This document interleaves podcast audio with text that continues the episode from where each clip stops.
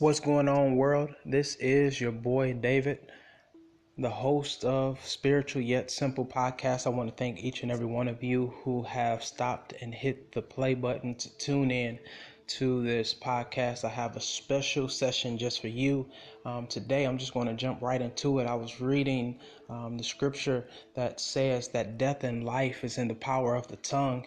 And I believe that someone needs to hear that on today that death and life is in the power of the tongue. And if you are a Bible reader or want to take notes on this, this scripture can be found in Proverbs chapter 18, verse 21 most people have heard this and not known that it was a scripture found in the Bible. But yes, it's in the Bible. Death and life is in the power of the tongue. And I simply just want to kick this lesson off and just tell you that what you speak has power. What you speak has power. You can speak blessings and bring life, or you can speak curses and bring death. Let me say that again. You can speak speak blessings and bring life, or you can speak a curse and manifest death. This is something that each of us need to understand and take heed to because the power there is abundant amount of power in which God has given each of us. And depending on how you use your words, your speech, you can speak life or you can speak death. Many of the great, greatest motivational speakers and orators and those who give speeches have gotten this thing. They understand the power, the influence, the persuasiveness in which they have. Salesmen across the world, the greatest salesmen understand that the way you say something, how you say it, when you say it, the fluctuation in your voice, the and the way you use your words have the ability to sell a product. It has the ability to influence someone's mind and cause them to buy or cause them to live a greater life. And you need to understand this because the same same power that some of the greatest people in the world have, I'm here to tell you, you have it too. You have the ability to speak life or to speak death.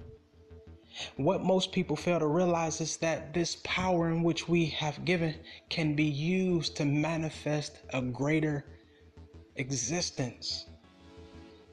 So many people wake up negative and wake up thinking about what made them mad yesterday or what they did not accomplish yesterday or who made them mad yesterday that they already they wake up already defeated.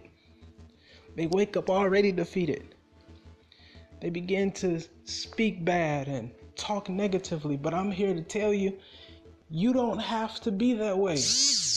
God has given you the ability to govern and to own and manage your thought process, therefore manifesting great words of affirmations and positive thoughts and thinking that will transform to your words and that will speak and create a life of prosperity, wealth, a greater abundance. And I want to tell you um, that I was reading uh, Mark chapter 11. I want to speak of this curse that Jesus performed on this fig tree, that Jesus and his disciples were out doing ministry, and Jesus is now hungry. After a day's worth of work, he's hungry. He's, you know, he's kind of famished, and he sees a fig tree in the distance, and he says to the fig tree, I mean, he says to himself, okay, well, there's a fig tree. I'm hungry. I'm getting ready to go over here and eat some of the fruit on this fig tree. So he walks up to the fig tree and he notices that this fig tree that is supposed to bear figs does not have any fruit on it.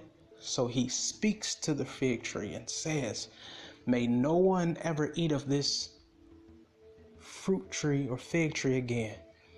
When he says that, his disciples hear him. They hear him say, May no one eat of this fig tree. They go in, the Bible says they go in the temple um, and they come out after a few days, you know, they, they, they walk past the same fig tree, and Peter notices that the fig tree that Jesus spoke to earlier has withered away and died. The power of the tongue. That Jesus curses the fig tree because it was non productive, it did not produce figs. He spoke it, and what he spoke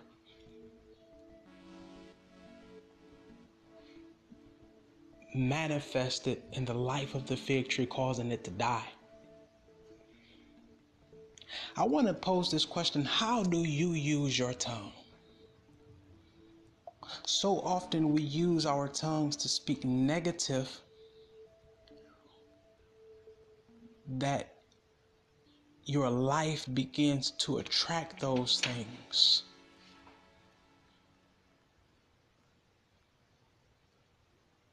As I was saying earlier, so many people speak negative things into the atmosphere and wonder why your life looks the way it looks.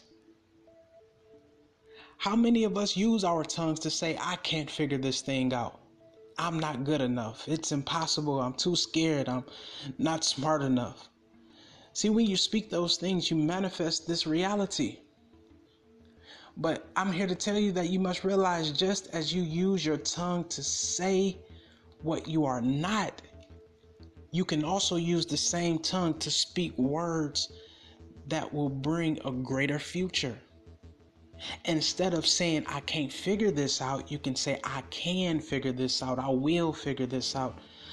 Instead of saying you're not good enough, you can speak and say that I am good enough. What you thought was not impossible is impossible. Why? Because God says by faith, all things are possible. How are you using your tongue today? Will you put your tongue to great or good, or will you put it towards evil? Use your tongue wisely instead of using your tongue foolishly, and you will eat the fruit of your foolishness if you choose to do so. Many people have used their tongues and many people have spoken and lives were changed and families were restored and people who uh, contemplated suicide lived another day because they got word of they were in the presence of someone who had the influence and the persuasiveness to convince them that death is not an option and that you must live and not die. How are you using your tongue? Will you speak life? Will you say, I'm going to be successful? I'm going to achieve. I'm going to reach the highest pinnacle of my life. I'm going to conquer what I thought I could not conquer. I'm going to be promoted because God said that I can. You are a child of God, and God does not want to see you in a desolate place. He doesn't want to see you live in a desert place where you cannot survive or where you cannot uh, live and prosper and live this life of abundance. But God wants you to live in a land flowing with fruit. He wants you to live knowing that you can have that in which you desire. Get it into your mind, plant it in your mind, and begin to live it in your reality. The tongue is a powerful organism, and how you choose it will be manifested in your reality. Thanks for tuning in. I am David Clark, your host of Spiritual Yet Simple podcast. And I pray that you can take something from this podcast and that your life will be made better. If you enjoy this podcast, I pray that you will tune in to my future podcast and that you will begin to share this um, and, you know, send me a message. Encourage me. I, I love to be encouraged. All right, y'all be good. Until next time, go in life, go in strength. Peace.